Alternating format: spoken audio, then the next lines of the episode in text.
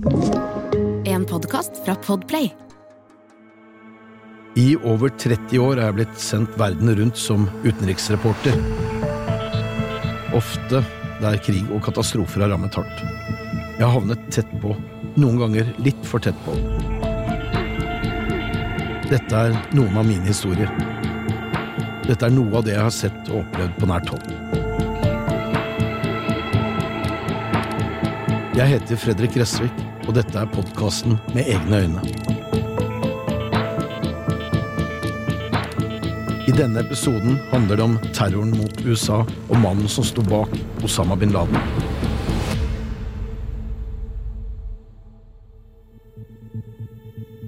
Han kunne levd et liv uten en eneste økonomisk bekymring, men Osama bin Laden ville ikke ha det slik. I stedet for å velte seg i luksus hjemme i Saudi-Arabia og forsyne seg av farens enorme formue, reiste 27-åringen til Afghanistan for å kjempe mot kommunistene i 1984. Fem år var gått siden Sovjetunionen invaderte det lutfattige fjellandet mot unionens sørlige grense. Slik amerikanerne senere skulle erfare, var ikke det å ta rask kontroll over hovedstaden Kabul og de større byene det samme som en kjapp og enkel seier. Flere geriljagrupper tok opp kampen mot den sovjetiske krigsmaskinen, og i en av disse så fant det altså bin Laden sin plass. Mange unge islamister, som bin Laden, reiste til Afghanistan for å kjempe mot den ikke-religiøse stormakten på slagmarken. Ved hjelp av store våpenforsyninger fra blant andre USA og trening sammen med amerikanske militærrådgivere og CIA påførte mujahedin-gruppene de sovjetiske styrkene store tap. Sovjetiske mødre så seg etter hvert lei på de mange tusen sinkkistene med døde 19-åringer som ble returnert fra krigen, og satte foten ned. Etter ti år, i 1989, så trakk sovjetiske styrker seg ut, et forsmedelig nederlag for Kreml. Osama bin Laden bemerket seg som en handlekraftig kriger. Den nesten to meter lange kjempen var også utstyrt med lederegenskaper som gjorde at han steg i gradene. Etter Sovjets tilbaketog fortsatte han å støtte enkelte av de islamistiske grupperingene som sloss om makten i Afghanistan, og var begeistret over at mørkemennene i Taliban klarte å ta det meste av makten i landet på midten av 90-tallet. Bin Laden utviklet en stadig mer ekstrem religiøs oppfatning og så seg om etter nye fiender han kunne bekjempe. I tillegg til erkefienden Israel, som han hatet for det han kalte jødenes okkupasjon av muslimsk land, la han USA for hat. Både fordi han ikke kunne fordra vestlig kultur og for USAs støtte til Israel, men også fordi han mente at USA med sine militærbaser i hjemlandet Saudi-Arabia okkuperte muslimenes aller helligste steder til tross for at amerikanerne var invitert til å stå i landet av kongen selv, som en garantist mot et nytt forsøk fra Iraks diktator Saddam Hussein på å okkupere naboland etter at han sendte den irakiske hæren inn i Kuwait i 1990. Fra en hule i Afghanistan utstedte Osama bin Laden i august 1996 en fatwa mot de vantro. Han erklærte USA krig Samtidig var han i ferd med å bygge opp det som skulle bli et av verdens mest brutale terrornettverk, Al Qaida. Gruppen hadde baser både i Afghanistan og Sudan. Bin Laden ønsket å påføre amerikanerne enorm smerte.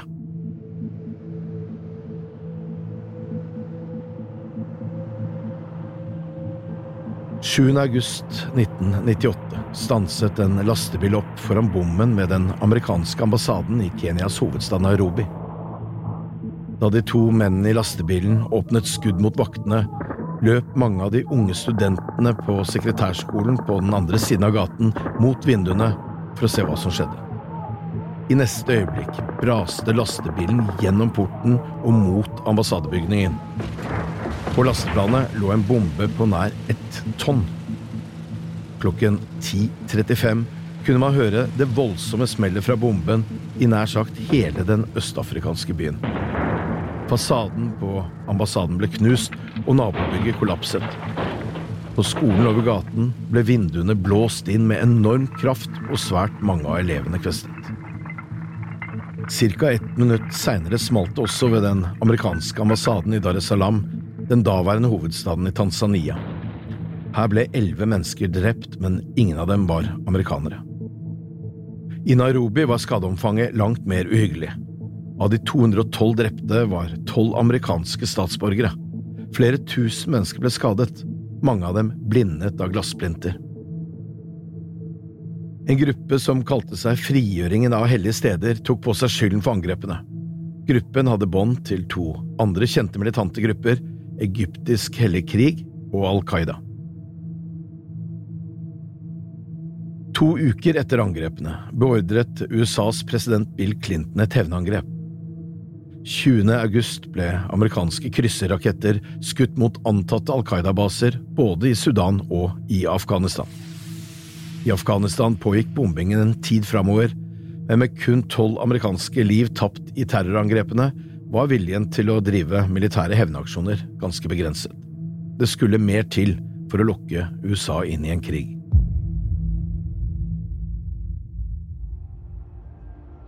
«12. oktober 2000 lå det amerikanske torpedojagerskipet USS Cole for anker i havnebassenget utenfor byen Aden i Jemen. Marinefartøyet hadde fylt opp med forsyninger og drivstoff. Flere mindre fartøy lå rundt skipet. Fra noen ble det solgt suvenirer til de amerikanske sjøfolkene. Andre fraktet vekk avfall.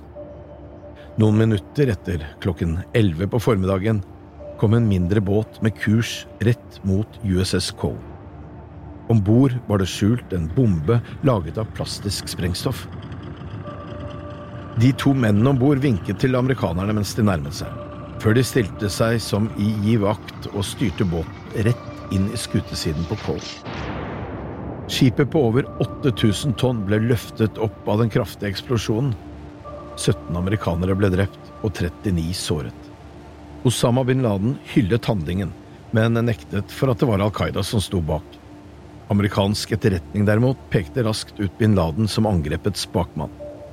Men fordi dette var et angrep mot et militært mål, og derfor ikke kunne klassifiseres som et terrorangrep, og fordi USA bare var én måned unna et presidentvalg som Clinton ikke hadde lyst til å ødelegge for visepresident Al Gore, ja, så unnlot han å gi ordre om hevnangrep. Gore vant uansett ikke, og 20. januar året etter ble George W. Bush innsatt som USAs 43. president. Han skulle bli satt på prøve så det holdt.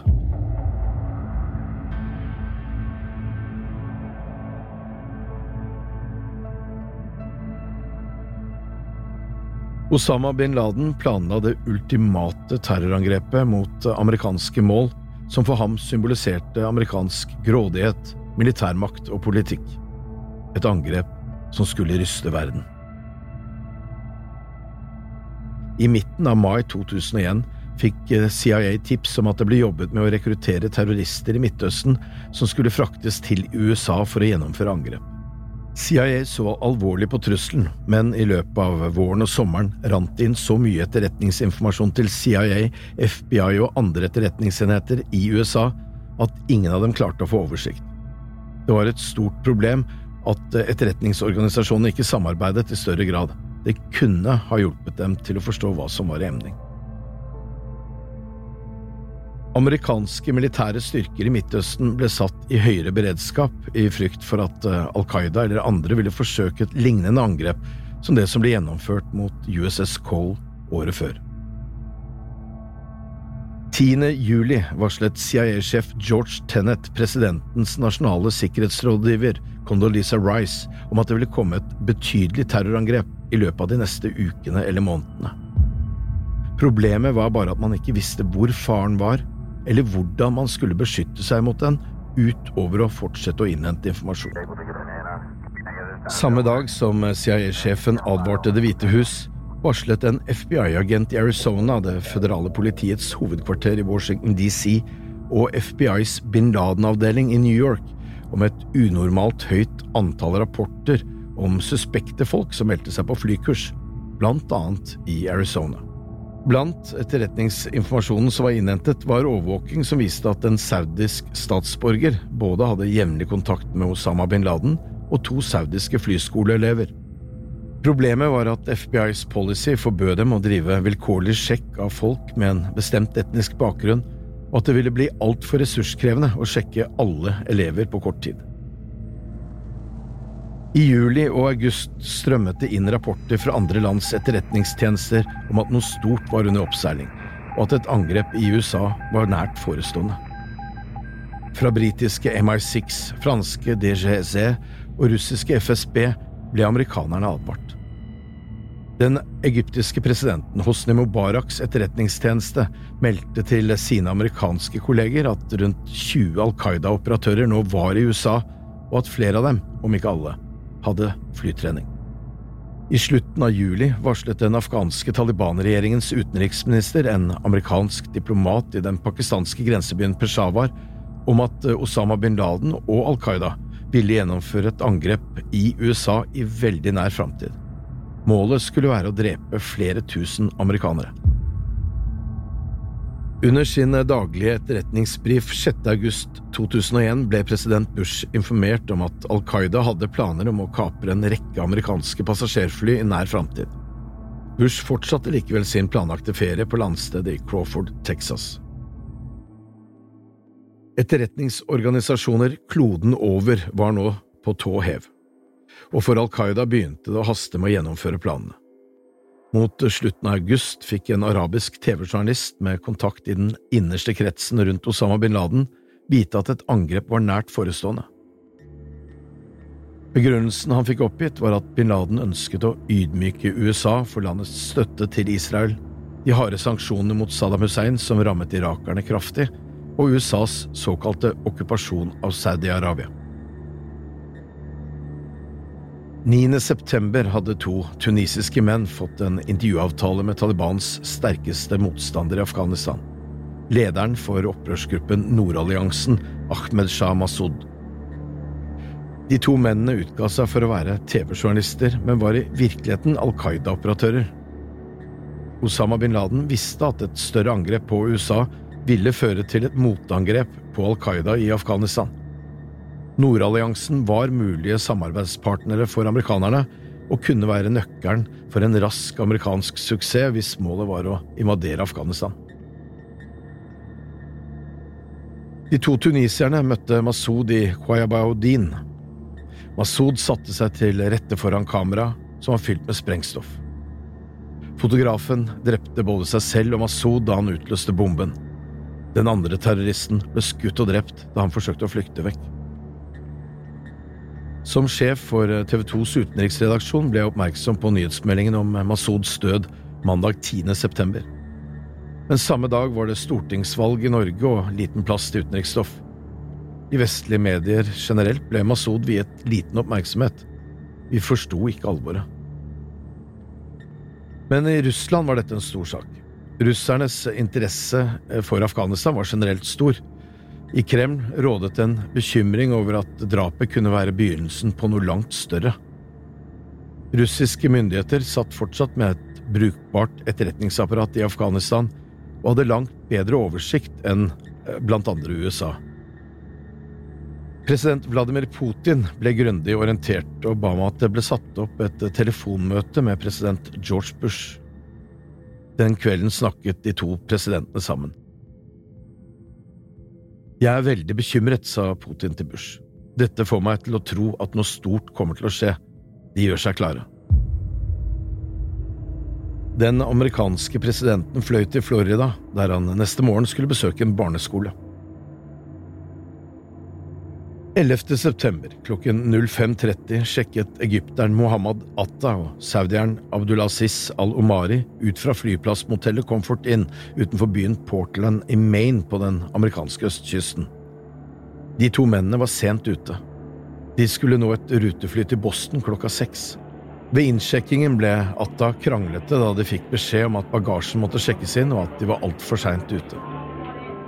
Michael Towie fra United Airlines tenkte et øyeblikk at det kunne være terrorister han hadde foran seg, men slo det fra seg og sørget for at de kom seg om bord. Omtrent samtidig med at flyet med Atta og Mari tok av fra Portland, la president Bush ut på sin daglige joggetur. Også på Logan-flyplassen utenfor Boston vakte to arabiske menn oppsikt av sin oppførsel. Saudierne Mohand al-Sheri og Fayez Banihamed slet med å gjøre seg forstått da de skulle svare på helt enkle spørsmål i sikkerhetskontrollen, men de kom seg gjennom. Også Atta og Omari hadde nå kommet seg til Logan-flyplassen.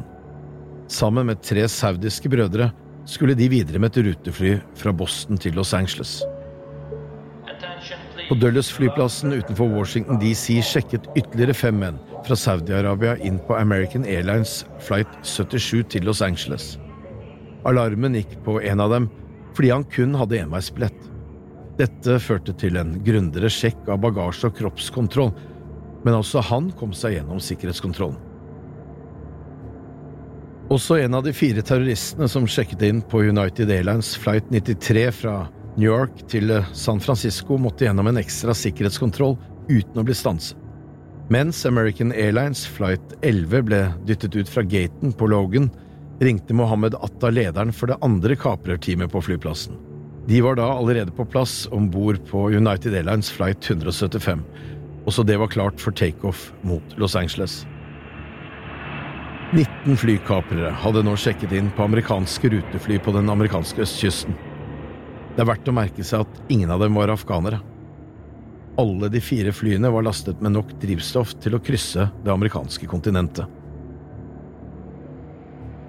Klokken 07.59, 14 minutter forsinket, tok American Airlines flight 11 av fra Logan-flyplassen. 21 minutter seinere lettet det siste av de fire flyene med kaprere om bord fra New Jersey utenfor New York. Da flygelederen i Boston ga piloten om bord i American Airlines 11 ordre om å stige fra 8000 til marshøyden på 10 000 meter, fikk de ikke svar. Fem minutter seinere ringte en helt tydelig stresset og redd flyvertinne til American Airlines kontor i Nord-Carolina fra et telefonsett bak i flyet. Betty Ong sa at hun ville melde fra om en nødsituasjon. Vi får ikke svar fra cockpit, og noen er stukket ned på business. Jeg tror vi er i ferd med å bli kapret, sa hun.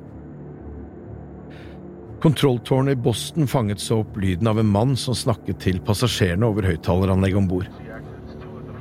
Han ba dem om å forholde seg rolige, og advarte passasjerene mot å foreta seg noe som helst. Kaprerne forklarte passasjerene at de hadde en bombe som ville gå av hvis noen forsøkte å stanse dem. Flyet hadde endret kurs mot New York og hadde en bratt nedstigningskurve mot byen. En annen flyvertinne om bord, Madeline Sweeney, hadde også ringt American Airlines og sa at noe var forferdelig galt, og at de fløy altfor lavt. Så ble samtalen brutt.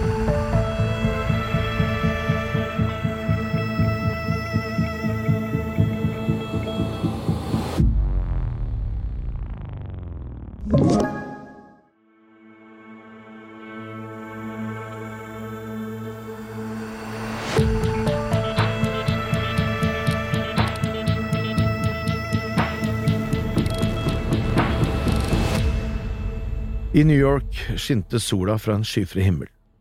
Det var 26 grader, og det lå an til å bli en deilig høstdag i millionbyen.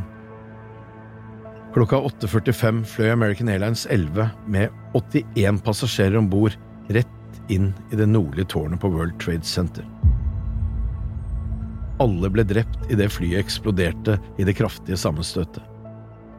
Et stort, gapende hull i skyskraperen etterlot ingen tvil om at også mange inne i bygget var drept. Alle vi som i de første minuttene tenkte, eller kanskje håpte på at dette var en eller annen form for ulykke, forsto bedre da United Airlines flight 175 smalt inn i det sørlige tårnet 17 minutter seinere. Over hele verden rullet nå TV-bildene av røyken som veltet ut av de to tårnene. Idet president George Bush ankom barneskolen i Sarasota i Florida, ble han tatt til side av sin rådgiver Carl Rowe, som fortalte ham at et fly hadde krasjet inn i World Trade Center. Noe mer informasjon hadde han ikke. Bush så for seg at det kunne være snakk om at en pilot hadde mistet kontroll over et småfly, og at det hadde gått så galt som det kunne. Men idet han gikk inn i skolebygningen der en skoleklasse ventet storfint besøk, fikk han en telefon fra sikkerhetsrådgiver Condolisa Rice, som kunne fortelle at det var snakk om et større passasjerfly. Fortsatt usikker på hva dette var, ba han om at besøket fortsatte som planlagt. og ble vist nedover en korridor til et klasserom med andreklassinger. Den amerikanske presidenten ble bedt om å ta plass på en stol foran tavlen, og fikk utdelt eh, et eksemplar av Barnas lesebok. Bush skulle få høre hvor flinke de var til å lese. Men de var knapt kommet i gang før presidentens stabssjef Andy Card kom inn i klasserommet, bøyde seg tett inn mot presidentens øre og sa lavt Amerika er under angrep. Med TV-kameraene bak i klasserommet rettet mot seg beholdt Bush roen og ble sittende. Men etter bare et par minutter kom flere Secret Service-agenter stormende inn i rommet og skysset presidenten i full fart til et nærliggende rom der en rekke kommunikasjonsenheter sto klare. På veggen hang en TV som viste bildene fra New York. Nyheten om at ytterligere to fly var kapret, var nå kjent.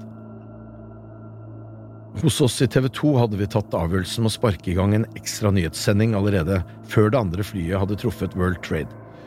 Etter noen minutter med direktebilder fra New York gikk det opp for meg og flere at dette ikke var snakk om et småfly. Avtrykket av flyet strakk seg på tvers av hele skyskraperen, og flammehavet vitnet om store mengder drivstoff. I New York var alt av tilgjengelig hjelpemannskaper på vei til de to brennende tårnene. Fortvilte mennesker ringte fra de øverste etasjene og tryglet om hjelp de aldri kom til å få. Etter hvert som varmen steg og de forsto at det ikke var noen muligheter til å komme seg ned i live, var det flere som knuste ruter og kastet seg ut av bygget og falt mot en rask død på bakken. 11. september 2001 var dagen Osama bin Laden angrep verdens mektigste militærmakt, og det regnet mennesker fra himmelen. USAs forsvarsminister Donald Rumsfeldt hadde kalt inn sine nærmeste medarbeidere til et hastemøte i Pentagon. Mens han sto sammen med sin militærassistent og så på TV-bildene fra New York, ristet plutselig hele bygningskomplekset, og han hørte et kraftig drønn. American Airlines Flight 77 hadde feid inn over parkeringsplassen utenfor det amerikanske forsvarsdepartementet og slått den ene vingen ned i bakken før det krasjet rett inn i siden på selve symbolet på amerikansk militærmakt. Fortsatt var ett kapret fly i luften. På barneskolen i Sarasota skrev president George Bush ned en kort tale. Han visste at amerikanerne trengte en sterk og tydelig leder nå. En talerstol med presidentens emblem ble satt fram, og skolebarna, USAs framtid, de ble dandert rundt. Bush kom inn og sa at Terrorisme mot USA vil aldri lykkes. Bush ba så alle som var til stede, om å hedre ofrene med et øyeblikks stillhet, før Secret Service hastet han av gårde til Air Force One. Visepresident Dick Cheney var nå fraktet i sikkerhet i Washington DC. Kongressen ble evakuert. Det siste flyet hadde kurs mot den amerikanske hovedstaden. Men for United Airlines Flight 93 skulle utfallet bli et annet enn det kaprerne hadde planlagt. Over Ohio hadde flyet fra New York til San Francisco plutselig endret kurs. Om bord var et mannskap på 7 og 38 passasjerer. Flere av de som var om bord, ringte nå til nødnumrene, og noen fikk også kontakt med familie og venner. Noen av dem fikk vite hva som hadde skjedd i New York, og forsto at dette ikke dreide seg om en konvensjonell kapring der kaprerne ville få flyet ned på bakken og bruke passasjerene som pressmiddel for å få innfridd noen krav. De forsto at skulle de overleve, måtte kaprerne uskadeliggjøres. I dødskampen som utspilte seg, mistet kaprerne kontroll over flyet. Klokken 10.06 styrtet flyet på et jorde utenfor Shanksville i Pennsylvania. Alle om bord døde. Det ble senere avdekket at dette flyet skulle krasje inn i Kongressen på Capitol Hill. Tvillingtårnet på Manhattan var konstruert slik at de skulle tåle å bli rammet av et større passasjerfly. Men stålkonstruksjonen var ikke bygget for å tåle eksplosjonen og den påfølgende brannen et fly fullastet med drivstoff utløste. Etter å ha stått i brann i nesten en time ga den glødende stålkonstruksjonen i det sørlige tårnet etter, og hele bygget kollapset. Det var fortsatt flere hundre mennesker fanget inne i bygget da det raste. En gigantisk sky bestående av tonnevis med betongstøv rullet i voldsom fart nedover gatene rundt tårnet og omhyllet mange kvartaler i en tett, grå tåke det nærmest var umulig å puste i. En halv time senere kollapset også det nordlige tårnet og falt delvis over bygning 7 i World Trade Center. Også det brant helt til det raste samme ettermiddag. Al Qaida-angrepet var over, men det var det kun bakmennene som visste. Kunne det være flere fly i luften? Ville det komme andre typer angrep?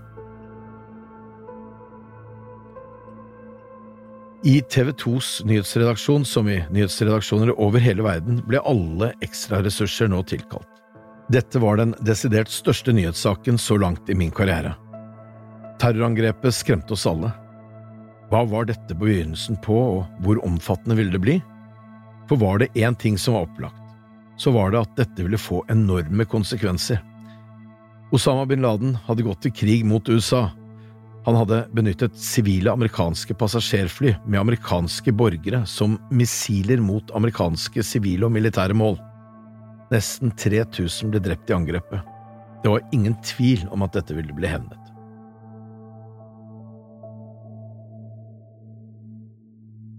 TV 2s dyktige USA-korrespondent Kristine Korme var på reportasjeoppdrag i San Francisco av alle steder. Noen hundre mil fra der hun burde ha vært akkurat da. Jeg tok en runde med de som hadde pass og visum og kunne komme seg av gårde til flyplassen umiddelbart. Flere team ble sendt til større flyplasser i Europa i håp om at vi kunne få dem til USA så raskt som mulig, men som antatt stengte USA ganske snart luftrommet for sivil luftfart. Da det kom melding om at en palestinsk gruppe hadde tatt på seg skylden for angrepet, fikk jeg beskjed av nyhetsredaktøren om å komme meg i den retningen og kastet meg rundt. Midtøsten hadde vært mitt eh, hovedansvarsområde siden jeg startet min karriere i TV 2. Men det skulle bli en to måneder lang ferd i for meg helt nye trakter. Underveis ble det klart at Al Qaida sto bak, og at endelig destinasjon burde være Afghanistan. Jeg fløy til nabolandet Pakistan. I Brussel var Nato-ambassadørene samlet til sitt ukentlige lunsjmøte da den amerikanske ambassadøren ble varslet om angrepet. Da omfanget av angrepet ble klart, gikk det melding til Oslo og en rekke andre hovedsteder om at det var ambassadørenes oppfatning at angrepet burde utløse artikkel 5, den såkalte solidaritetsartikkelen i Atlanterhavspakten, den som sier at et angrep på ett medlem anses som et angrep på hele NATO. Flyet med president Bush gikk på vingene uten å ha noen klar destinasjon. Amerikanske jagerfly var nå i luften, og pilotene forberedt på å skyte ned sivile passasjerfly hvis det var sterk nok mistanke til å anta at de var kapret. Tilsvarende tiltak ble truffet i flere andre land, også i Norge. Heldigvis var det ingen piloter som fikk testet sin vilje til å følge en så ekstrem ordre. Først klokka 19 den kvelden landet presidenten utenfor den amerikanske hovedstaden. På ny talte han til nasjonen. Vi vil ikke skille mellom de som utførte disse handlingene og de som skjuler og beskytter dem, sa Bush. Med det gjorde han det klart for Taliban at de var en kraftig skvis. Enten måtte de tilrettelegge for at amerikanerne kunne jakte bin Laden, eller forvente å selv bli utsatt for amerikanske angrep. Taliban-ledelsen valgte det siste alternativet. Nato-landene ble enige om at angrepet, hvis det hadde vært ledet fra et sted utenfor USA, ville utløse artikkel 5 2. oktober la USA frem bevis for at det var Osama bin Laden og hans terrornettverk som sto bak, og dagen etter kom amerikanernes formelle anmodning om bistand fra medlemslandene i Nato. Med det var verdens mektigste militærallianse på krigsfot. Norge skulle bidra både med bakkestyrker og fly. Gjentatte besøk på Talibans ambassade i den pakistanske hovedstaden for å skaffe visum var resultatløs både for meg og andre journalister.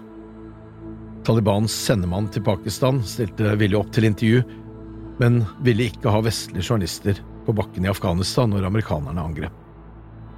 Jeg bestemte meg for heller å forsøke å innrullere meg hos de som skulle gjennomføre angrepene.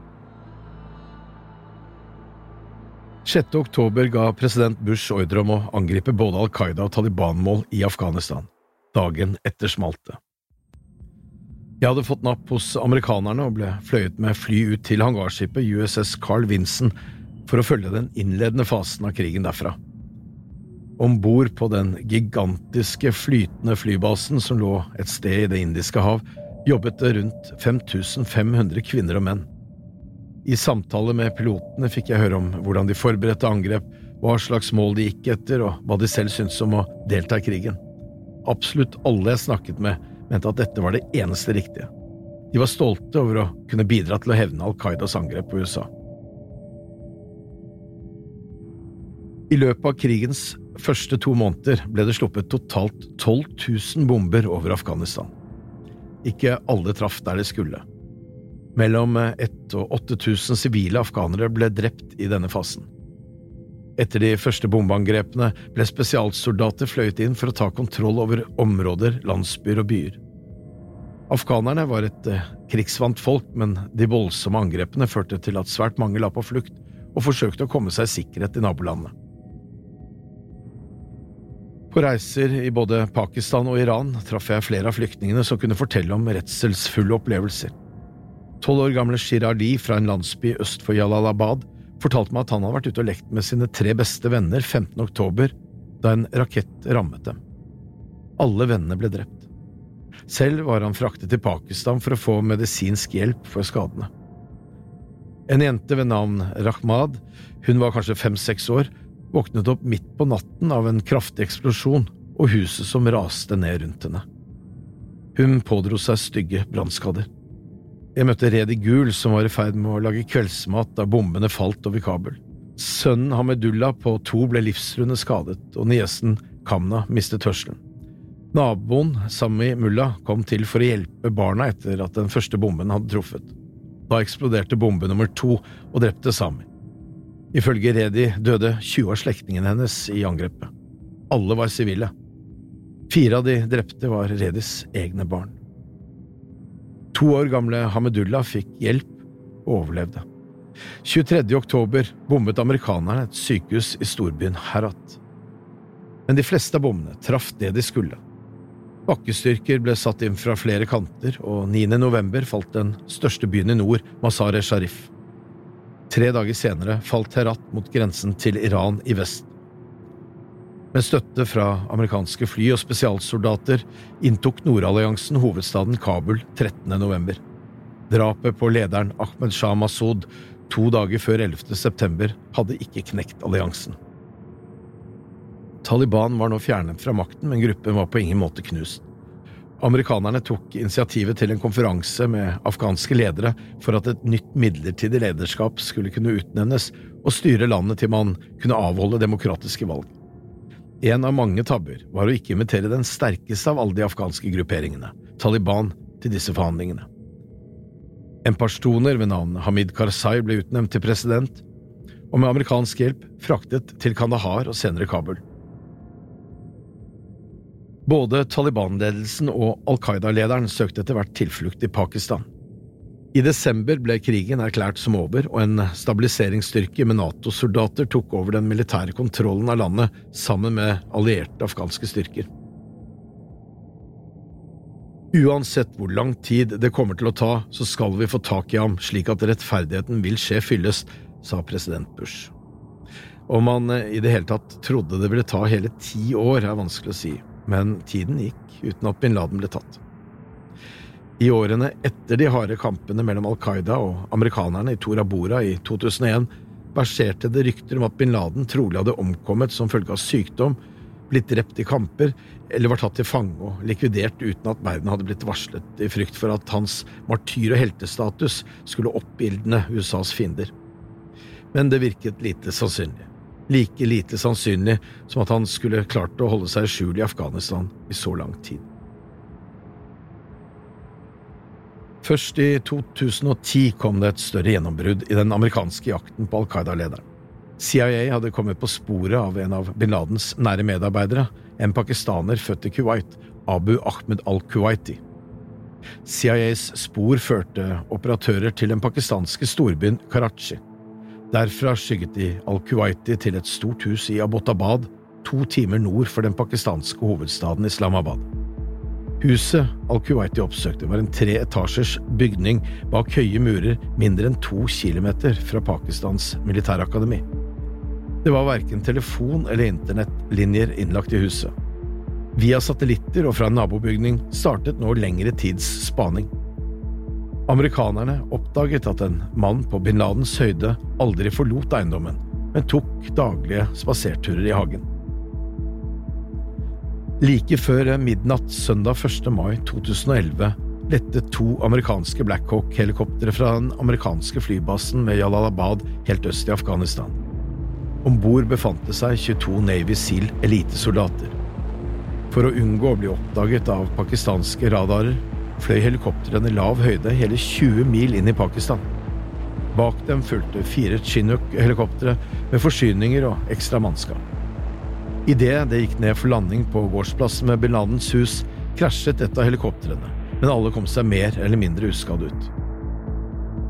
Deretter skjedde ting raskt. Amerikanerne sprengte seg inn i hovedhuset og tok seg oppover i etasjene.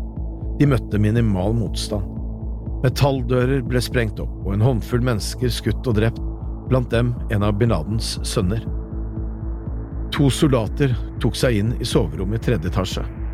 Med nattsiktene var amerikanerne overlegne og skjøt og drepte mannen som ventet på dem med våpen i hånd. I full fart ble elektronisk utstyr samlet sammen, og Osama bin Ladens kropp ble dratt med ut til det ventende helikopteret. Det ødelagte helikopteret ble sprengt helt i stykker. All støyen hadde naturlig nok fått alarmen til å gå i nabolaget, og to pakistanske jagerfly gikk på vingene med kurs mot Abbottabad. Men flyene nådde ikke fram i tide. Fra operasjonsrommet i Det hvite hus fulgte president Barack Obama og hans nærmeste stab angrepet fra sekund til sekund. Da meldingen om bin Ladens død nådde dem, brøt applausen ut. Endelig. Liket av terrorlederen ble fraktet til Bagram-basen utenfor Kabul før det etter kort tid ble fløyet ut over det arabiske hav til hangarskipet USS Carl Vinson. Der fulgte man muslimsk tradisjon og vasket liket, svøpte det i et hvitt klede og leste muslimske bønner. Så ble Osama bin Ladens levninger droppet ut fra det laveste dekket over havoverflaten og forsvant i dypet. At ikke deler av det pakistanske etterretnings- og statsapparatet visste hvor bin Laden befant seg, er helt utenkelig. Han hadde holdt til i huset ved militærakademiet i fem år før han ble drept. Etter bin Ladens død kunne Barack Obama ha erklært seier i krigen mot terror og trukket seg ut fra Afghanistan. Men amerikanske og norske styrker skulle bli stående i landet i nesten ti år til før de trakk seg ut idet Taliban tilkjempet seg makten og igjen tok over ledelsen av landet. Den amerikanskledede krigen i Afghanistan kostet et sted mellom 150 og 200 000 mennesker livet. Av disse var nærmere 50 000 sivile. 3500 Nato-soldater ble drept, inkludert ti norske soldater og offiserer.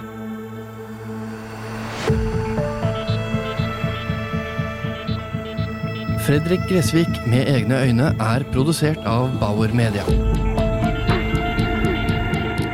Produsent for podkasten er Thomas Alsaker. Lyddesign og musikkomposisjon av Lars Petter Berg. Prosjektleder Øystein Weiber. Hør flere episoder av denne podkasten gratis på podplay.no.